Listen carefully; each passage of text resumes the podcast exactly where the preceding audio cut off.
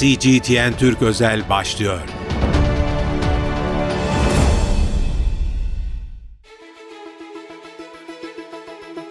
Değerli CGTN Türk takipçileri, özel programımıza hoş geldiniz. Gündemimiz İran ve Pakistan arasındaki gerilim malumunuz bir süredir karşılıklı füzeler atılıyor.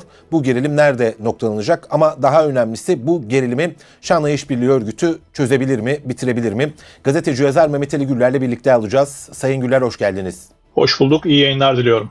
Sağ olun.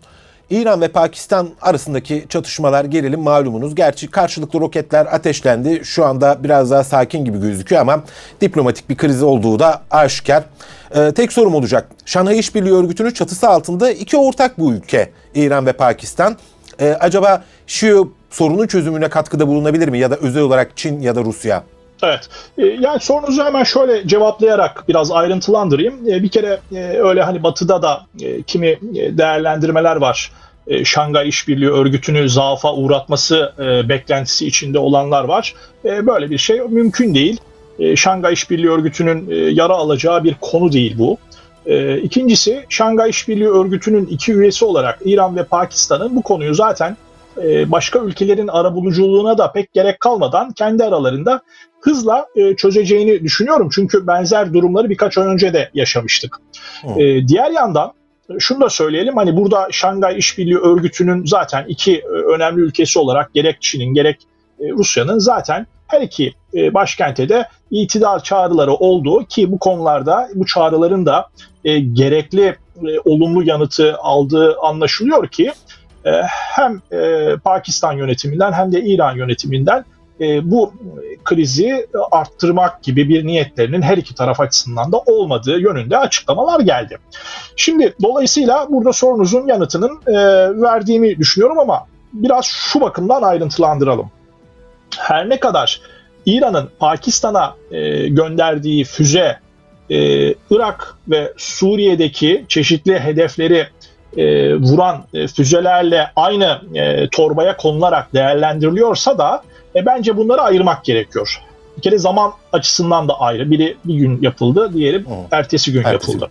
Şimdi ilk füzeler yani Irak'ın kuzeyindeki hedefleri ve Suriye'nin kuzeyindeki hedefleri e, vuran İran füzeleri temel olarak kendisine yönelik e, her ne kadar IŞİD Horasan örgütü üstlense de doğrudan Tahran yönetiminin arkasında Amerika ve İsrail'i gördüğü son e, saldırıyla ilgili. O saldırıda Kasım Süleymani'nin Amerika tarafından bir suikastle öldürülmesinin dördüncü yıl dönümü törenlerinde e, bombalar patlamıştı ve 103 İran e, vatandaşı e, yaşamını yitirmişti. Şimdi İran buna esas olarak yanıt veriyor. Diğer yandan İran'ın zaten temel olarak e, Orta Doğu'da ve temel olarak da Irak ve Suriye'nin kuzeyindeki Amerikan askeri varlığının bölgeden çıkması yönünde bir zaten stratejik hedefi var. Bu doğrultuda o hedefler vurulmuştu. E, nitekim e, İsrail ile e, Irak Kürt bölge yönetimi arasında e, irtibat e, yaptığı bilinen ki çok da önemli bir iş adamıdır mal varlığıyla hı hı. E, ve Mossad karargahı olarak kullanılan e, villasına yönelik yapılan bir e, füze vuruşu vardı. Diğer taraftan e, doğrudan İran e, kuvvetlerine hedef alan e, bir takım örgütlerin e, doğrudan Suriye'de hedef alınması gibi bir durum vardı. Şimdi dolayısıyla bu paketi ayrı tutmak lazım.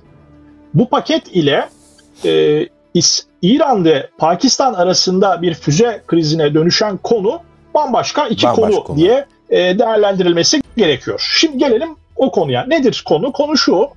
İran kendisine yönelik e, bir takım e, hamleler yapan, zaman zaman saldırılar düzenleyen e, bir örgüt var. E, Ceyşel Adl yani evet. Adalet Ordusu diye Türkçe'ye çevirebileceğimiz bir örgüt. Bu örgüte yönelik, bu örgütü vuran bir e, füze saldırısı yaptı. Yani bunu böyle batıda da hani İran Pakistan'ı vurdu falan gibi başlıklar atılıyor. Böyle bir şey yok. Yani İran Pakistan'da konuşlanmış, zaman zaman İran daki Sistan Belucistan eyaletine girerek orada bir takım eylemler yapan bir e, örgütü vurmuş oldu. Haliyle Pakistan'da tabii bu işler şöyledir. E, Hindistan'la sorunlar yaşıyor. E, önemli e, dış politik ağırlığı olan bir ülke. e, kendisini bölgesinde daha zayıf Tabii. göstermemek için İran'ın bu e, füze hamlesine karşı bir karşı füze atarak durumu dengelemiş. Bir egemenlik e, hakkını e, kullanmış oldu. Bunu e, Şangay İşbirliği Örgütü'nün e, yaralanmasına, zaafa uğramasına e, kadar vardıracak e, batıcı e, yorumların hiçbir anlamı yok bu bakımdan. Diğer yandan şunu söyleyeyim. Bakın bu yeni de değil. Bakın ben tarih vereyim size. E, değerli meslektaşım Mustafa Kemal Erdemoğlu'nun yazısından aktarayım. Bakın Aralık 2023'te İran'ın Sistan Belucistan eyaletinde Pakistan sınırına yaklaşık 60 kilometre mesafede bulunan Rast, Rast'taki bir polis karakolu silahlı kişiler tarafından saldırıya uğramış. 11 İranlı güvenlik görevlisi ölmüştü. Saldırıyı gerçekleştiren İran'ın terörist ilan ettiği Sünni Ceyşel Adıl idi. Yani bugünkü konuştuğumuz örgüt. Pakistan topraklarında faaliyet yürüten örgüt İran'ın çoğunlukla Sünnilerin yaşadığı Doğu eyaletini İran'dan koparmak istiyor. Şimdi yani bu örgütün bu tip eylemleri var.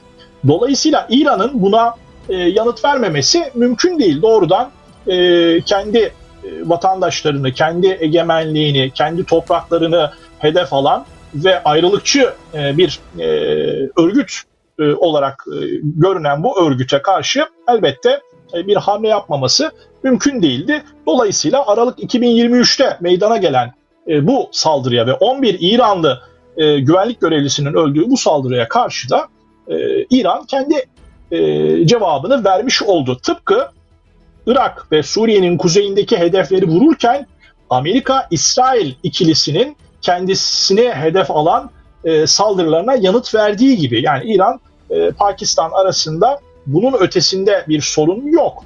E, dolayısıyla bu karşılıklı füze atmalardan büyük bir kriz beklentisi içinde e, olunması doğru değil. E, tam tersine her iki başkentte Şangay İşbirliği Örgütü'nün iki büyük e, üyesi Çin ve e, Rusya'dan gelen itidal çağrılarının ardından gerek e, Pakistan yönetimi gerekse Tahran e, İran yönetimi e, bu krizi tırmandırmak gibi bir niyetlerinin olmadığını beyan etmişlerdir ve hızla bunun da e, sona ereceğini ben e, düşünüyorum. Sayın Güler yorumlarınız için çok teşekkür ederiz.